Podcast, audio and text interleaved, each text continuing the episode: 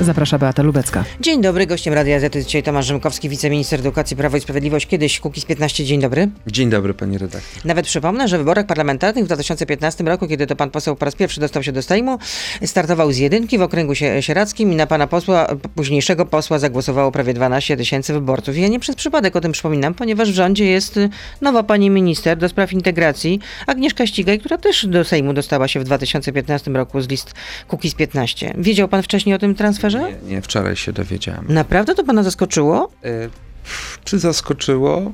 No pewnie trochę tak, ale A dlaczego trochę tak? no bo nie wiedziałem nic wcześniej o tym. No, antysystemowiec w rządzie y, Prawa i Sprawiedliwości. No, Nie, pani nie Agnieszka pierwszy Ścigaj. i ostatni. No ale pani. Agnieszka Ścigaj jednak była znana z tego, że ostro recenzowała pracę obecnej ekipy rządzącej. Z pewnością tak, e, przy czym też bym powiedział, chyba tam nastąpił jakiś rozjazd z Pawłem Kukizem. Tak przynajmniej ja zaobserwowałem z strony internetowej Sejmu. No, ale od antysystemowca do przedstawiciela władzy to naprawdę to jest wolta o 180 stopni. Rozumiem, że pani poseł myśli Ja, już ja o nie chcę następnych być wyborach. recenzentem pani poseł Agnieszki Mm, no, Ścigaj, czy pani minister. O, jaki Agnieszki łaskawy. Rozumiem, że pani poseł już myśli o następnych wyborach, żeby dostać dobre miejsce na liście, no bo od Kukiza to no, Co stoi na przeszkodzie, Jako- żeby na tym miejscu siedziała pani minister Agnieszka będzie Ścigaj? jutro siedzieć. A, Na tym miejscu. Na tym No, miejscu. świetnie. Mam nadzieję, mam nadzieję. Świetnie. Bo to Nie, czasami ja- się odwołujecie yy, z programów. ja się uchylę od bycia recenzentem pani minister Agnieszki Ścigaj. A co pan napisał na Twitterze? 31 sierpnia 2017 roku. Nie jesteśmy PiSem. Pan oczekuje, jak wielu wyborców PiS, że posłowie Kukiz 15 pójdą w jasyr do PiSu i tym samym oszukują swoich wyborców. Czyli pan, nowa pani minister Agnieszka Ścigaj, poszliście w jasyr i oszukaliście swoich wyborców. No, no nie, no jest chyba zasadnicza różnica między nami. Pani redaktor chyba się zgodzi. No jaka? E, Ja w 2019 roku startowałem z Prawa i Sprawiedliwości. No ale poszedł pan w jasyr. E, Nie, ja po prostu skorzystałem z e, możliwości startu z list Prawa i Sprawiedliwości, a jednocześnie jednoznacznie powiedziałem, że nie chcę startować z list Polskiego Stronnictwa Ludowego. Też wielokrotnie w tym studio to, No, pani mówiłem. Agnieszka Ścigaj uznała, że teraz też będzie startowała e, z listy Prawa i Sprawiedliwości, że, je, że będzie taka każdemu- możliwość. No, Każdemu, każdemu zobaczymy, wolno. zobaczymy. No, Wczoraj kraj. nie wyglądała na przeszczęśliwą, jak odbierała nominację i y, składała przysięgę. No, tak, tak A mi się wydaje. Po czym pani redaktor to poznała? Po mowie ciała. Tak? Dobrze, zostawmy panią Agnieszkę Ścigaj. Y, Koniec roku szkolnego. Jaki był ten rok? Bo był trudny. E, Był trudny, ale na pewno lepszy i to dużo lepszy od lat poprzednich, w których pandemia jednak spowodowała istotną zmianę organizacji pracy szkoły. W tym roku mijającym, jutro kończącym się, mieliśmy raptem 6 dni w okresie Świąt Bożego Narodzenia i tuż po Nowym Roku, kiedy to uczniowie byli w trybie zdalnym. No i okres ferii e, między 27 stycznia a 27 lutego, e, które się pokrywały z większością województw, również ten okres był zdalny, a tak to rok co do zasady był rokiem stacjonarnym i to jest no, duża, bym powiedział, różnica w stosunku do e, poprzedniego roku szkolnego, czy drugiego semestru roku jeszcze wcześniejszego, kiedy to zaczęła się pandemia COVID-19. Wielu uczniów płaci wysoką cenę, bo y, mówi się o tym, że jednak kondycja psychiczna uczniów, y, można powiedzieć, że bardzo osłabła i o tym jeszcze też będziemy rozmawiać, Okej, ale... ale ja uważam, że i tak patrząc na te analizy przygotowywane przez psychologów, przez różnej maści analityków w sytuacji młodzieży i dzieci w szkołach, e, to powrót do szkoły, przywrócenie stacjonarnej nauki, powrót do klasy, klasy tej przede wszystkim osobowej, czyli między rówieśników, koleżanki, kolegów, kontakt z nauczycielami, to w sposób bardzo dynamiczny odwraca tą złą sytuację, która rzeczywiście była w okresie nauki zdalnej. Ale to są analizy zlecone przez Ministerstwo Edukacji i Nauki? Też, ale Pan są też niezależne. niezale- specjaliści. no, niezależne również są opinie ekspertów, z którymi zapoznawałem się chociażby na łamach prasy. No od września y, mogą być potężne jednak problemy y, z kadrą nauczycielską, bo też w Polsce szukają prawie 13 tysięcy y, nauczycieli. Tyle jest miejsc, 12 tysięcy 800, tysię- y, 12 tysięcy 800. To są oficjalne dane. No powód to przede wszystkim kiepskie zarobki. No i jak ktoś może, to idzie do korporacji albo idzie na emeryturę, jeśli już jest w tym wieku. No wielu rezygnuje po prostu już z pracy w oświacie. Masowy eksodus, tak chyba można powiedzieć. To jak mają sobie z tym poradzić dyrektorzy Nie szkół? tylko, bo też problemem jest oczywiście zbyt niskie pensum nauczycieli. Nauczycieli 18 godzin, bariery wynikające z kodeksu czy z karty nauczyciela, mówiące o tym, No że nauczyciel w też jest jednej barierą szkole i to, że generalnie e, groźba 20, komisji 28 dyscyplinarnej to też są e, takie bardzo przesłanki, które e, spotykam- skłaniają do odejścia e, z pracy w szkole. No tych, tak jak pani dyrektor zauważyła, tych powodów jest dosyć wiele różnej maści, od kwestii wynagrodzeń poprzez kwestie organizacyjne pracy, na przykład No, no, wakaty- dyrektorzy szkół składają taki postulat, że skoro nauczyciel na przykład języków w danej szkole ma 28 godzin w tej szkole, czyli 18 w etacie, 10 To nie będzie godzin, fizykiem też, tak? Nie, nie, nie. Chodzi o to, że na przykład dwie godziny tego języka, którego on uczy, on nie może uczyć w tej szkole, e, musi iść do innej szkoły, następują jakieś wymiany. Dobrze, Nauczyciele ale są wakaty i jak sobie z tym krążą po poradzić? szkołach. Jak sobie z tym poradzić w takim razie? no, no, jakoś sobie nauczyciele i dyrektorzy radzą w tej sytuacji. No rozkłada pan bezradnie ręce, no tak to widzę. Mm, Panie, panie redaktor, no mamy świadomość tego, że nauczycieli brakuje w systemie, ale efekt jest Bo spowodowany kiepsko zarabiają. nie tylko. Gdybyśmy podwyższyli pensum, 4% paradoksalnie podnieślibyśmy A ile, również a ile wynagrodzenie. jakie podwyżki dostali y, posłowie, parlamentarzyści? 40%. Ja to to, nie wiem, ja tego nie zauważyłem, żeby 40%. No jak to nie? Ja w ogóle nie otrzymuję uposażenia poselskiego, więc ja tego Nawet nie zauważyłem. słuchaczka pisze, podwyżki dla posłów 40%, dla nauczycieli 4%, wszystko rozumiemy okej, jak pisze słuchaczka, bo dzieci nauczyciele mają najwyraźniej inne żołądki niż synowie pana ministra. No. Mm, Ale mm, pani redaktor, powtarzam, to ja nie otrzymuję wynagrodzenia poselskiego. Tylko ministerialne. No tak, No to ile to jest brutto spływa panu y, miesięcznie? nie wiem ile jest brutto. No. Na konto nie wiem ile netto mi spływa, to ile 11 na- tysięcy. ile netto? 11 tysięcy netto. No to proszę pana, to proszę pokazać nauczyciela, który 11 tysięcy brutto zarabia. Naprawdę, z całym szacunkiem panie ministrze. pani? To chyba y, jak igłę w stogu siana. Nie, no Prezes- skoro ja znam, to chyba nie jest to takie, bym powiedział, zjawisko odosobnione. Tak? To ilu zna pan takich nauczycieli, którzy zarabiają 11 No, tysięcy? Znam, znam kilku. Kilku, 11 tysięcy. To w jakiej Nazwisk pani pozwoli, że nie Nie, wymienię. ja nie mówię, żeby y, wymieniać z imienia nazwiska. mojego okręgu wyborczego. To już Czyli w Sieradzu, duże, tak? Duże, nie, Sieradz akurat nie. Czy Tam Kutno? jest sporo miejscowości w 12 No powiatach niesamowite, co to za szkoła generalnie, naprawdę. Nie, chyba, to nie jest szkoła, to nie jest szkoła, to jest nauczyciel, który pracuje po prostu w dwóch szkołach i jest w pełni zadowolony z tego powodu. To prezes ZNP dwa dni temu na konferencji mówił, że nauczyciele są najgorzej opłacaną grupą zawodową w tym kraju, a rząd nie ma żadnego pomysłu, jak im pomóc. No to dlaczego nauczyciele muszą zarabiać tak marnie? Mm, To zależy jak na to patrzymy, to znaczy z punktu widzenia stawki godzinowej, czy bym powiedział z punktu widzenia globalnego wynagrodzenia. Nie, z punktu widzenia ile wpływa m, miesięcznie na konto. Panu wpływa 11 tysięcy netto, a nauczycielom... Przy Pan, pracy 7 dni w tygodniu, prawda? no ale widziały gały, co brały. No tak, no, nauczyciele też widzieli. Ale co, co nauczyciele brali. mają pracować 7 dni w tygodniu? Nie, nie, absolutnie. Tylko proszę, tylko proszę zwrócić Pracował uwagę, że nauczyciel, szkole? To jest naprawdę ciężki moi kawałek dwoje chleba. rodziców pracowało w szkole mm, i to ponad 30 lat, każde z osobna. I? No i, i, i wiedzieli, co, na co się decydują w życiu, że mają 178 dni w roku pracy. Czyli po prostu rozkłada pan bezradnie ręce. No po prostu to Nie, taka pani redaktor, specyfika zawodu. Pani redaktor, Ale jest jeszcze ktoś, jedna rzecz. Jeśli ktoś chce bić się w piersi i przepraszać za to, że nauczyciele e, zarabiają mniej, a mogli więcej zarabiać, to prezesi największych central związkowych, w tym pan Broniarz. Bo propozycja leżała na stole 36% podwyżki. Ale I dwie niestety- godziny pensum dodatkowo. No, no właśnie, no dwie godziny pensum i 36 Dobrze, nie. ale nauczyciele przecież nie pracują tylko przy tablicy. Muszą się do zajęć przygotować, A, muszą również a pani redaktor się pracę. nie przygotowuje do pracy. się ja się nie przygotowuję, urzędnicy, a słuchacze nasi się nie przygotowują. No dobrze, ale Każdy się przygotowuje. z dziećmi naprawdę Nie, to znaczy wymaga ja dużo apeluję- energii. No ja, naprawdę, apeluję, ja apeluję do słuchaczy, proszę Państwa, zastanówcie się, czy Wy też się nie musicie przygotowywać do pracy, bo to jest takie magiczne zaklęcie. Nauczyciel zgodnie z kartą nauczyciela ma 40-godzinny tydzień pracy. Zgodzi się pani redaktor z tym, to jest twarda litera prawa. Przy tablicy ma 18 godzin. My proponowaliśmy zwiększenie pensum nauczycieli do 22 godzin przy tablicy. Przy jednoczesnej podwyżce 36% dla każdej kategorii zawodowej nauczyciela. Niestety związki zawodowe zaoponowały to rozwiązanie i w to wszystkie. ZNP, Solidarność, Czyli Forum Związków pana Zawodowych. zdaniem. Nie, no ale no Z takich, odchodzi Dariusz przedstawicieli... Martynowicz, nauczyciel 2021. Nauczyciel roku 2021. Niestety nie dane mi było poznać pana No ale to jest jednak symboliczne bardzo. magistra czy doktora, nie wiem. No, jest to jednak symboliczne, nie uważa pan? Odchodzi ze nie swojej wiem, szkoły w pierwsze słyszę od pani redaktor. No to widzę, że pan, pan minister specjalnie się A do jakiej branży?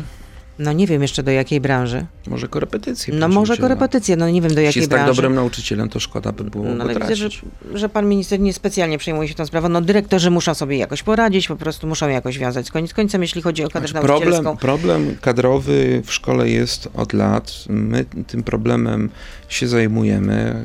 Widzimy w, w tym momencie pewien problem dotyczący kwestii również wykształcenia nauczycieli mm, i możliwości dojścia do zawodu, zwłaszcza jeśli chodzi o szkoły zawodowe, branżowe, gdzie największy jest problem. No, ja bym tu zwrócił uwagę szczególną. To znaczy nauczanie w technikach w szkołach branżowych, gdzie brakuje osób, które są fachowcami w danym zawodzie i które powinny przekazywać tą fachową wiedzę jako nauczyciele uczniom. To jest moim zdaniem w tej chwili największy palący problem, aby pozyskać z rynku osoby, które zarabiają rzeczywiście wielokrotność wynagrodzenia nauczycielskiego, No żeby się się- zdecydowali znowu na pracę się w szkole i pieniędzy. przekazywali wiedzę. Są też nowe wyzwania dla uczniów od nowego roku e, szkół y, No i też były ponadpodstawowych. sukcesy w tym roku, Nowy możemy powiedzieć. hit. Tak. Historia i teraźniejszość. Hit czy kit? Ale otóż zapytam w części internetowej. Oczywiście pan minister z nami zostaje. Jesteśmy na Facebooku, na Radio Zapel, na YouTube, więc proszę zostać z nami. Beata Lubecka, zapraszam. To jest gość Radia Z. I gościem Radia Z, przypomnę, jest wiceminister edukacji i nauki Tomasz Rzymkowski, Prawo i Sprawiedliwość. No właśnie, to jest y, hit czy hit? Ten nowy przedmiot, historia i teraźniejszość. Historia i teraźniejszość. No tak. No to hit czy kit? A dlaczego kit? No, są bardzo różne, kontrowersyjne opinie na ten temat. Wiele o tym czytam w prasie, a ostatnio jeszcze Rzeczpospolita dotarła do takich treści, które znalazły się w tym podręczniku napisanym przez pana profesora Wojciecha Roszkowskiego, wybitnego historyka. W książce znalazł się szczegółowy opis, jak donosi prasa, właśnie kontaktów pedofilskich jednego z europejskich polityków i uczniowie będą mogli przeczytać e, na przykład wspomnienia Daniela Cohn-Bandita, jednego z przywódców e, takiego ruchu studenckiego z 1968 roku, to jest niemiecki polityk. Mm, I co mówił na przykład? Jak to wspominał?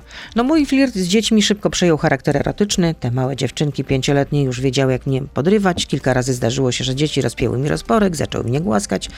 Jednak często, y, y, mimo wszystko, i ja je głaskałem. No, naprawdę taka wiedza jest potrzebna młodzieży. Serio?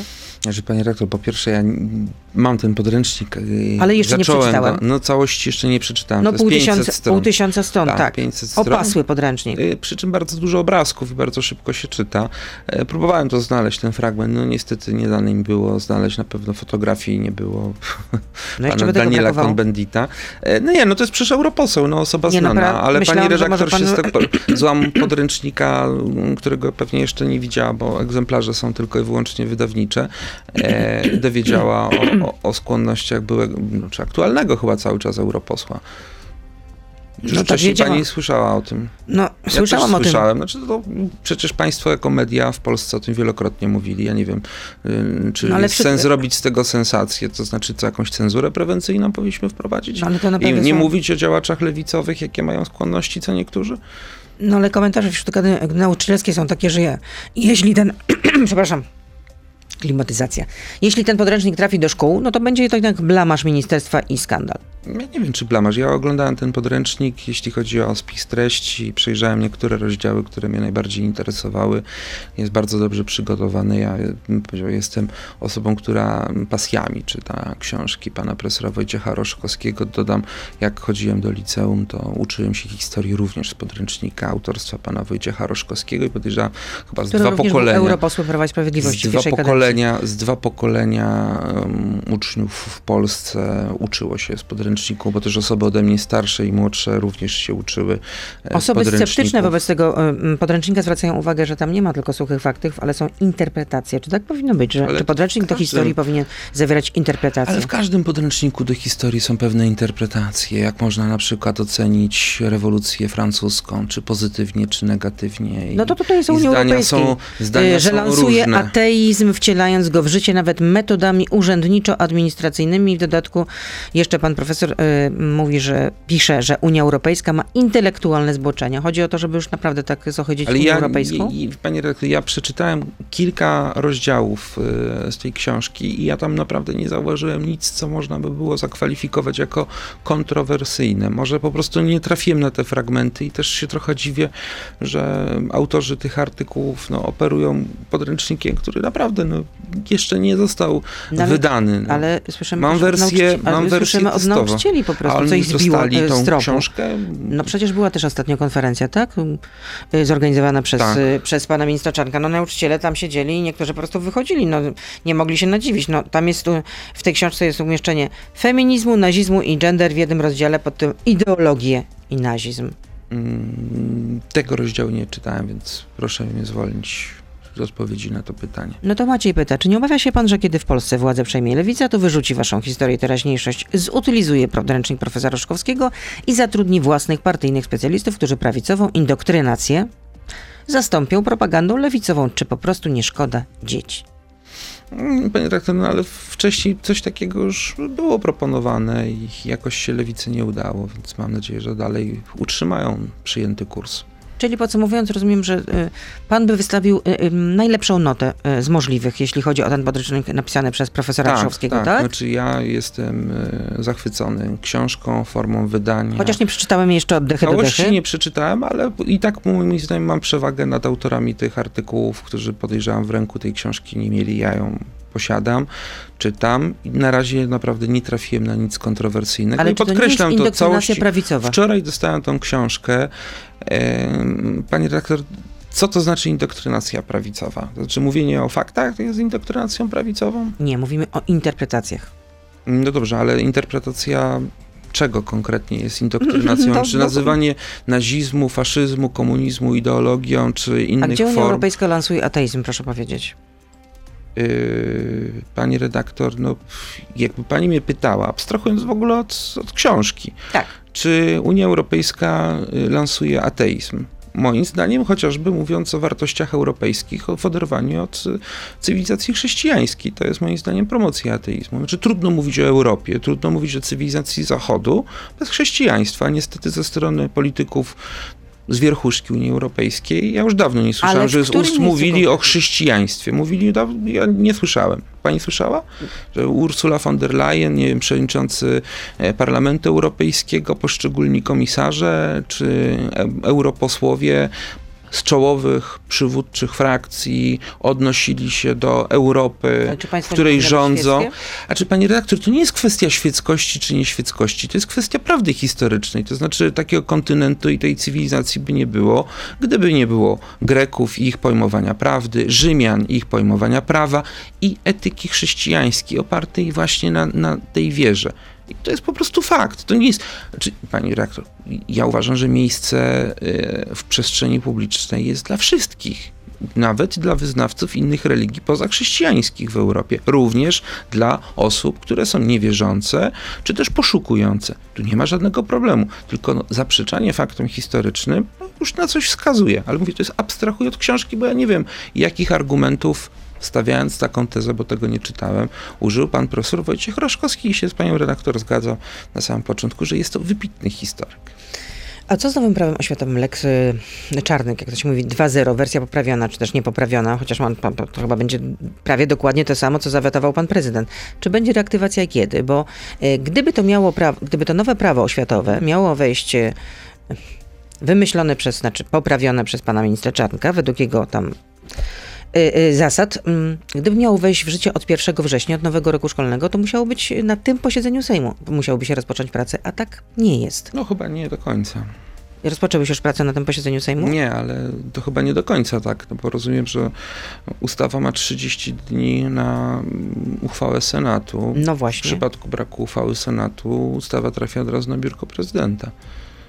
A posiedzenia Sejmu mamy jeszcze w lipcu, dobrze. sierpniu nawet. To w takim razie kiedy ten projekt, Ja nie e, wiem, pani trafi do redaktor, y, bo to ma być projekt to poselski. jest projekt poselski, no to pani niech pyta posłów Ale wnioskodawców. to wy ja nie jestem nie posłem tym nic, wnioskodawcą. to w razie Znaczy ja, tym ja osobiście wspólnego, nie mam z tym nic y, wspólnego, więc proszę pytać y, posłów. Będzie to rzeczywiście wersja bardzo podobna do tej, która została zawetowana przez pana prezydenta. tak? No nawet chyba można powiedzieć, że bliźniaczo podobne.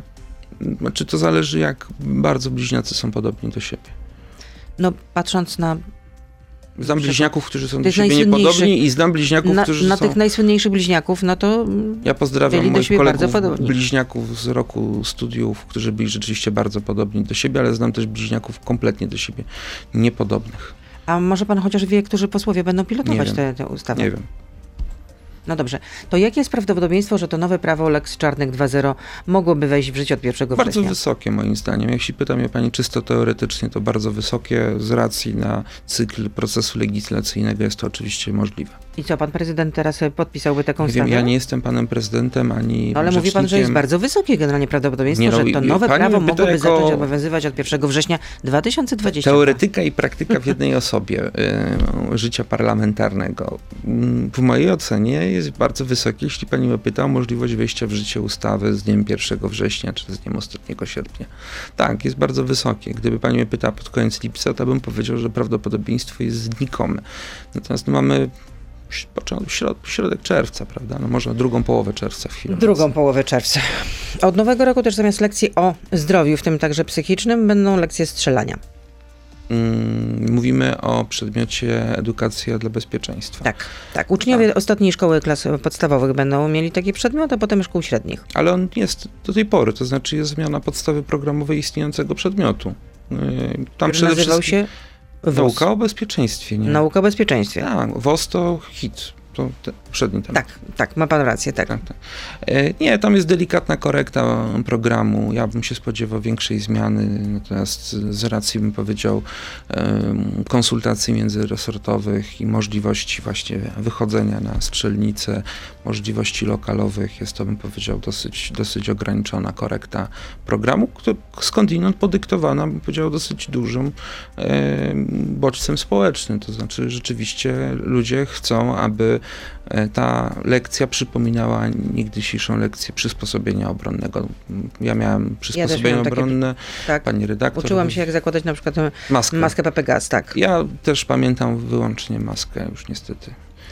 Włosy się potwornie elektryzowały, potwornie, no ale w takim razie Strasznie niewielka, śmierdziała ta maska też. e, ale niewielka korekta, to na czym ta korekta polega? Ta niewielka, bo pan mówi, że to jest niewielka korekta w, w, w Nie, bo do tam tego jest, tam jest zwiększenie kwestii związanych z obroną cywilną, z tym jak reagować na kwestie zagrożenia bezpieczeństwa agresją kinetyczną, jak reagować na zagrożenia wywołane konkretną agresją, powiedzmy niekonwencjonalną, ale również są te elementy związane z umiejętnością posługiwania się bronią od kwestii teoretycznych, rozróżnienia rodzajów broni, budowy broni, po możliwość wyjścia na strzelnicę, przy czym ten proces jest rozłożony w czasie, bo nie w każdym miejscu w Polsce dostęp do tej strzelnicy, e, no nazwijmy to jest e, mm, łatwy, tak największym kolokwializmem, to znaczy ta strzelnica jest blisko, e, tych strzelnic jest na tyle dużo, że liczba uczniów i szkół pozwala na to, aby ta młodzież na tej strzelnicy była.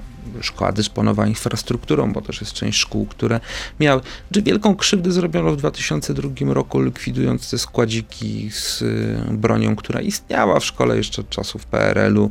W 2002 roku zmieniono przepisy i praktycznie z każdej szkoły ponadpodstawowej zlikwidowano ten, ten magazynek wiatrówek, KPKS-ów, innej broni sportowej przede wszystkim, z której młodzież, e, bym powiedział, w takich utartych już kolejnach od lat będzie też w miarę bezpiecznie, mówię w miarę, bo czasami jakiś oczywiście wypadek, nawet bym powiedział od piłki lekarskiej można się zranić, zdarzały się, ale generalnie nie słyszeliśmy o jakichś masowych, e, masowych przypadkach e, nieszczęśliwych wypadków. No ale nie miał pan Niestety to zostało zlikwidowane, Ale nie ma do tego wracamy i to w sposób taki Ale nie ma pan wątpliwości, krok po chociażby y, patrząc na to, co się stało w, y, ostatnio w Stanach Zjednoczonych. Przecież do szkoły wszedł 18-latek i zabił 21 osób. Ale pani rektor, my chyba mylimy tutaj jakby dwa inne tematy, to znaczy kwestia nauki, posługiwania się, rozróżnienia broni na kartach podręcznika szkolnego od y, prawa dostępu do broni palnej w niektórych, podkreślam to, stanach Stanów Zjednoczonych, gdzie ta broń no, leży przysłowiowo na półce między chlebem a bułkami. Bo też w niektórych stanach jest to bardzo ściśle reglamentowany dostęp przypominający państwa Europy Zachodniej, bo chyba w żadnym stanie nie ma aż tak restrykcyjnych przepisów jak w Polsce. Ale wracając do, do tego przedmiotu jeszcze, y, y, lekcja o zdrowiu, w tym psychicznym, bo tego już nie ma w siatce zajęć. Lekcje o zdrowiu, Tak. ale to było jako element takich dodatkowych zajęć. To nigdy nie był przedmiot obowiązkowy sieciowy w siatce. No ale czy jednak priorytetem nie powinno być utrzymanie takiego przedmiotu? No Ale- bo jednak w związku z tym, że Ale tam te elementy są w ramach nauki o bezpieczeństwie, kwestia udzielenia pierwszej pomocy, e, kwestie takiego, nazwijmy to mówiąc językiem młodzieżowym, survivalu, na przykład miejsca schronienia w sytuacji, no dobrze, ale to jest w zagrożenia. ramach, to jest w ramach to jest w tego... ramach nauki o bezpieczeństwie. To jest zupełnie tak. coś innego. Ja mówię o zdrowiu, o zdrowiu szeroko pojętym, w tym także psychicznym, bo też jest y, zarządzenie y, ministerstwa, że od września, w związku z właśnie z tą osłabioną kondycją psychiczną, y, wskutek pandemii również, Mhm. y, powinno przybyć 17 tysięcy specjalistów. Mniej więcej. To są psychologowie, pedagodzy. No to Mhm. jak ich rekrutować wobec y, jednak braków na rynku? E, Panie rektor, na ten temat rozmawialiśmy nawet wczoraj z panią minister Marzeną Machałek. To jest oczywiście nasza, jakby to powiedzieć, dyspozycja, żeby zatrudniać tych specjalistów w szkołach. Mamy świadomość, że ich może na rynku w pewnym momencie zabraknąć, bo po prostu no już będą tak obłożeni pracą w poszczególnych placówkach. My zakładamy, że w ciągu dwóch lat do tego efektu zakładanego dojdziemy. Czyli tych 17 tysięcy specjalistów, tak? W, to znaczy, polskich no, szkołach?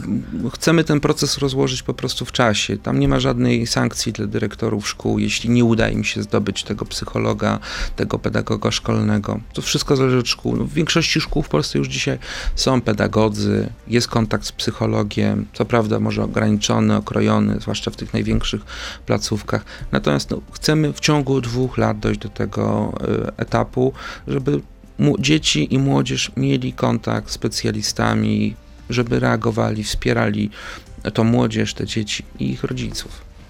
To jest Kolej- rozłożone w czasie. To, to nie, nie możemy tak po prostu na raz, bo no, są pewnego rodzaju ograniczenia e, rynkowe, nazwijmy to tak.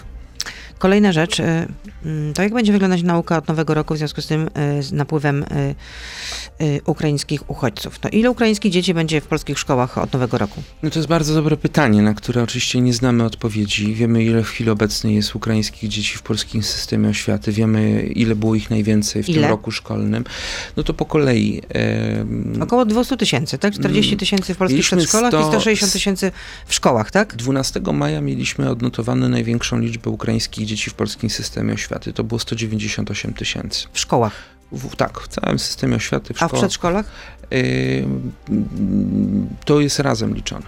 To jest razem liczone. Ja podaję globalną. 190 tysięcy globalną, w polskich globalną, szkołach i w polskich przedszkolach. Tak, tak. Tyle jest dzieci ukraińskich. Tak, natomiast w chwili obecnej mamy 184 tysiące. Jeszcze też bym powiedział bardzo A ciekawą... co się stało w takim razie y, z tymi No po prostu kilkoma tysiącami? Wypisali się? Wypisali się ze szkoły, bo mamy dane dzień po dniu, kiedy dyrektor szkoły dokonuje wykreślenia z listy uczniów, to znaczy, że rodzic, opiekun prawny, czy też pełnoletni uczeń e, rezygnuje z nauki w tej szkole. I tu są różne powody, od wyjazdu mm, do swojej ojczyzny na Ukrainę, po wyjazd e, za granicę, czy też do zmiany systemu kształcenia. No były przejścia analizy RPO, oświaty. Rzecznika Praw Obywatelskich, że tych dzieci może się po, po wakacjach pojawić jeszcze kolejnych nowych 200 tysięcy. Tak, dlatego my się szykujemy Czyli na 400. dwa razy tyle. My się szykujemy na 400 tysięcy i o tym jasno mówimy od samego początku, że od 1 września szykujemy się na 400, ale my nie mówimy, że tych 400 tysięcy dzieci będzie. E, Ja osobiście uważam, że, że nie będzie 400 tysięcy, nawet uważam, że może nie być 200 tysięcy, tak jak w chwili obecnej tych dzieci w polskim systemie, ale no trzeba, znaczy panie rektor, tu jest tak wiele czynników od nas kompletnie niezależnych, e, dotyczących chociażby sytuacji na Ukrainie. To znaczy, no, bez, jakby to powiedzieć, odpukać, ja nie jestem przesądny, ale to podkreślam, bez agresji i wznowienia jakby ataku Federacji Rosyjskiej na Ukrainę, które mogą spowodować kolejną falę uchodźców, w mojej ocenie mm, tutaj nie, nie spotkamy się z jakimś gwałtownym przyrostem uczniów w polskim systemie oświaty. Pytanie jest inne, to znaczy ilu uczniów ukraińskich, którzy są poza polskim systemem oświaty, a korzystają z ukraińskiego systemu oświaty w formie zdalnej, zdecyduje się od 1 września czy od 1 października w przypadku szkolnictwa wyższego skorzystać z naszej oferty oświatowej.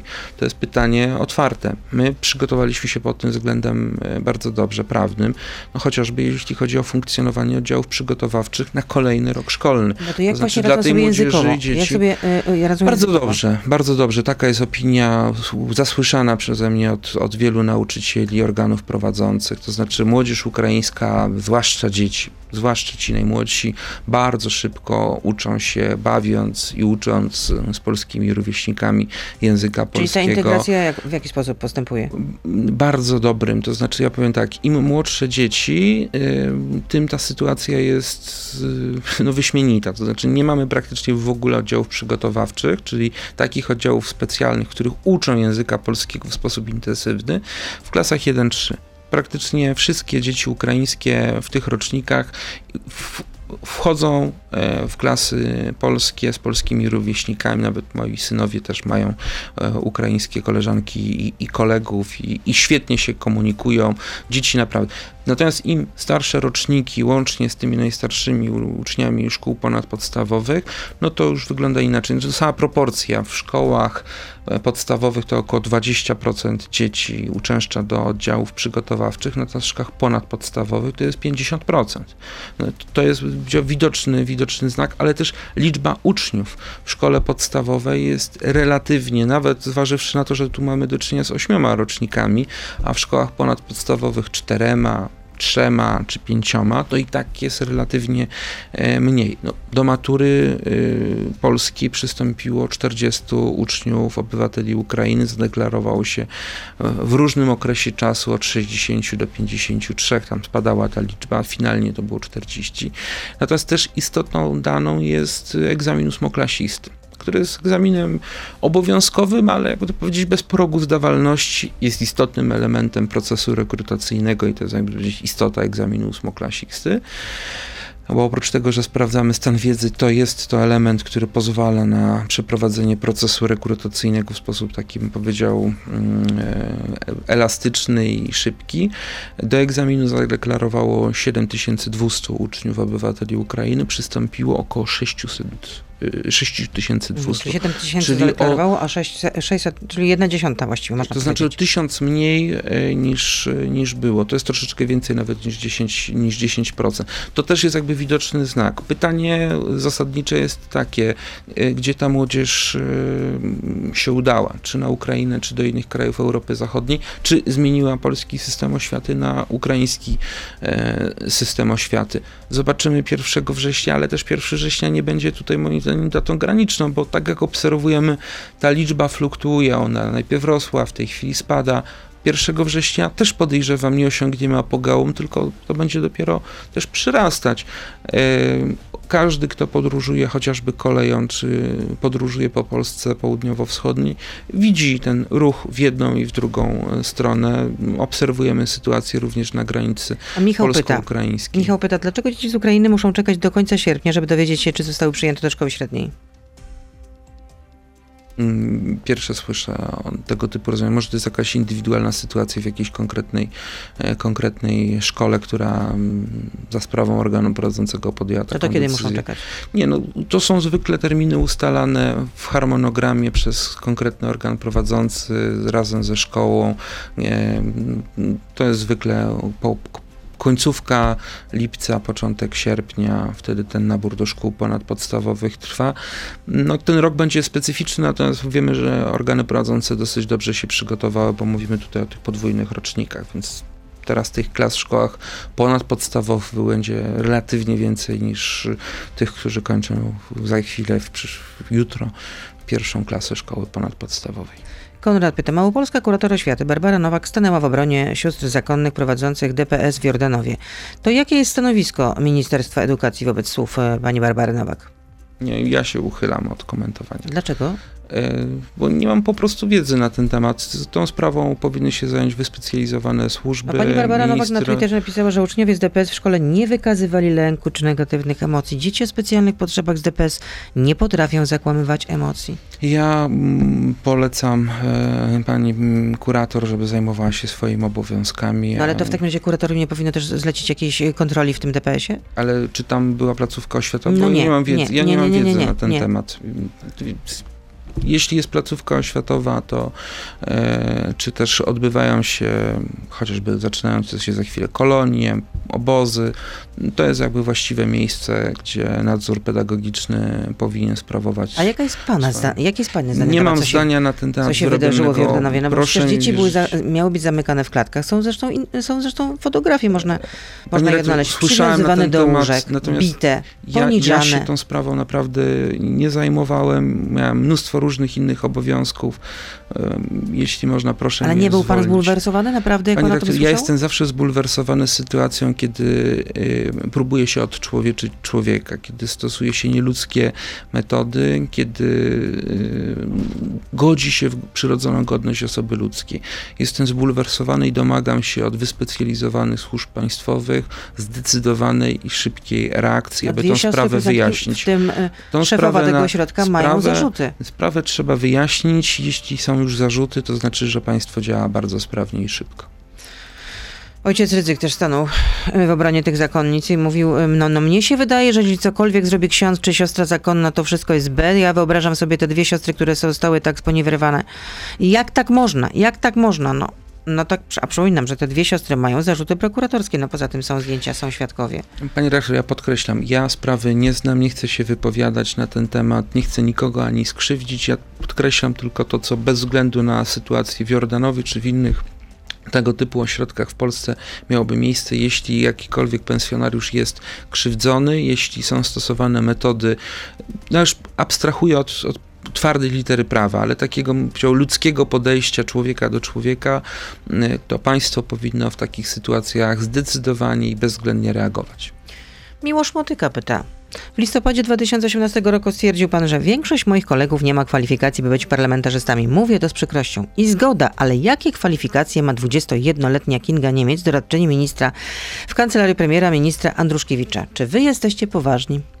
A jakie kwalifikacje ma pan Motyka, działacz PSL-u? No pyta generalnie, no ale chwileczkę. Tutaj, jeśli chodzi, to jest instytucja publiczna, to jest kancelaria premiera, opłacana e, e, przez podatników i są też... A, a pan Motyka to nie żyje z pieniędzy podatników? Przecież chyba całe życie pracował y, na garnuszku teraz- PSL-u, który jest finansowany z budżetu państwa. No dobrze, ale to y, chyba PSL może decydować generalnie, No. kto będzie rzecznikiem, czy też nie Bo będzie. każdy Ale minister też chwileczkę. może dobierać swoich Dobrze, doradców. tylko że rządowe rozporządzenie klucza. nakłada na doradców w kancelarii premiera określone wymogi, których ta 21-latka, studentka, nie spełnia, bo jako doradczyni powinna mieć wykształcenie wyższe i 5 lat doświadczenia zawodowego. A nie to- posiada takowego. No to jeśli, jeśli jest taka sytuacja, to pan Motyka nie powinien e, pisać do mnie, tylko powinien od razu poinformować e, premiera, czy też e, szefa No kancelarii premier chyba został premiera. poinformowany, no nie sądzę, żeby po prostu nie wiedział o tym, kogo zatrudnia po prostu pan mi- Z wice, tego wpisu pan pana Motyki ja tego, tego nie widzę. Jedno jest pewne, że pani Kinga Niemiec jest działaczką powołanego przez pana ministra Andruszkiewicza Stowarzyszenia dla Polski. No taka koincydencja, no pewnie nie, ma to, znam, nie no pewnie nie ma to żadnego ma? absolutnie Pani znaczenia, na pewno nie ma. Jak, pani Niemiec ma na imię? Kinga, Pani, ładnie. pani Kingi niestety nie znam. Kolejne pytanie. Czy takie teksty powinien pisać wiceminister edukacji, czy w ogóle wiceminister? Wczoraj na Twitterze napisał pan tak. Idealne hasło dla Tuska i Jachiry na papierkach Tak. rozrzucanych przez posłankę PO do nauki i zabawy. Won z Sejmu. Won Sejmu, Tak, naprawdę? Tak, tak. Uważam, że tego typu osoby szkodzą.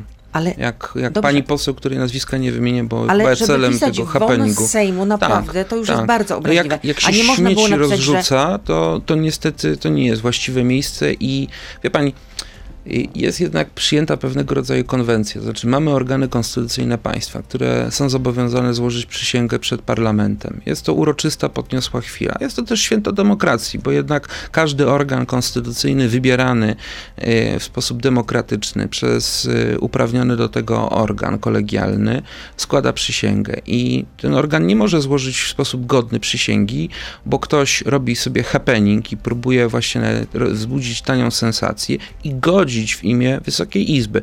Znaczy, wie pani, jestem członkiem organu kolegialnego, w którym zasiada 460 osób.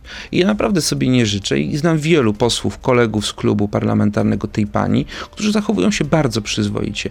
I zawsze będę ich bronił, ich postawy, bo się zachowują i też znam z prywatnych wypowiedzi, jakie mają zdanie na temat tej pani, jak Jakie ona im zdanie? szkodzi, że im po prostu szkodzi, że jej Czyli nie zachowanie, że się nadaje do cyrku, tak? do cyrku, do taniego kabareciku, a nie do parlamentu. Publicznie, rozumiem, To tak? nie mówią tego publicznie. No, niestety, no, tak to wygląda. Ale że co, boją się? Bo się boją, no. Ale kogo się boją? No na przykład samej zainteresowanej mm, performerki, A co może która pomyliła, Klaudia pomyliła miejsce. Słucham? A co mogłaby im zrobić Nie Klaudia wiem, no performers jakiś, nie wiem, laleczki i szpileczki wbijać, przecież ona słynie z najróżniejszych, albo nie wiem, chodzić po cmentarzach i machać ręką, prawda? Nie no, szpileczki to już są... No bo to takie filmiki w laleczki, były z nie nią. no, naprawdę, no. Chyba teraz pan trochę przesadził. Maciej pyta, dlaczego znalazł pan czas na krytykowanie opozycji, a nie znalazł pan czasu, żeby pomóc paniom sprzątającym po, po, po pani poseł Jachirze? Troszeczkę pomogłem, bo zabrałem te, co spadły na mnie papierki, które leżały pode mną, obok mnie. Natomiast ja uważam, że, że powinna pani poseł Jachira po sobie posprzątać. Bo jak ktoś śmieci, to człowiek dobrze wychowany po sobie sprząta. Ja na przykład nie zostawiam żadnych śmieci po sobie w ławie poselskiej, ani w innym miejscu publicznym, w którym jestem. Jak pani poseł Jachira pociągiem jedzie, to też śmieci rozrzuca, sprząta po sobie. Znaczy, to jest, bym powiedział, obraz niestety, który będzie rzutował na powagę parlamentu. Potem się dziwimy, że ludzie niepoważnie traktują to, co robimy. No, No, jeśli pan, mamy nie- takich, takich wybrańców narodu, a w- ktoś te osoby umieszcza na listach Nie jestem wyborczych... zachwycona tą akcją, ale przypomnę, że byli również posłowie, którzy, cieszę. którzy na przykład pokazywali palec wskazujący. No byli też tacy. Pani redaktor, no nigdy nie spotka się jeszcze pani z udawali, mojej- że nie pokazywali, tylko że po prostu Pani smyrali się redaktor, pod okiem. nigdy, no. nigdy, nigdy, akurat myślałem o jednym panu pośle. Też był taki poseł, teraz jest wiceministrem zresztą. Natomiast pani, pani Y, redaktor, Mówimy o nigdy... tym samym? Piotr Pyzik się nazywał? Nie, nie akurat o innym myślałem, O ale też rzeczywiście też się to nazwisko przejawiło, a to kolejna osoba. O. E, Pani, pani redaktor, ja powiem w ten sposób. Y, Ja, y, ja zawsze potępiam zachowania, które moim zdaniem godzą w dobre imię państwa polskiego. Mówię o wyjątkowym wydarzeniu, to znaczy każde posiedzenie Sejmu jest wyjątkowe, ale mówimy o przysiędze organu konstytucyjnego państwa, No rozumiem, prezesa Narodowego. Banku pana jest to Polskiego. jest, ja jestem państwowcem. Ja uważam, że państwo trzeba chronić i o powagę państwa trzeba się troszczyć. Jeśli ktoś wpuszcza cyrkowców do Sejmu, to godzi w dobre imię państwa. A to niestety zrobili liderzy opozycji, wpuszczając cyrkowców do Sejmu. i ja już tu to w zeszłej kadencji kropkę. I przeżyłem. tutaj stawiamy gdzie też kropkę. papierem rzucali, Stawiamy kropkę. innymi rzeczami. Tomasz Rzymkowski, wiceminister edukacji i nauki, był z nami Prawo i Sprawiedliwość. Dziękuję. Dobrego Dziękuję dnia bardzo. życzę. Wszystkiego dobrego.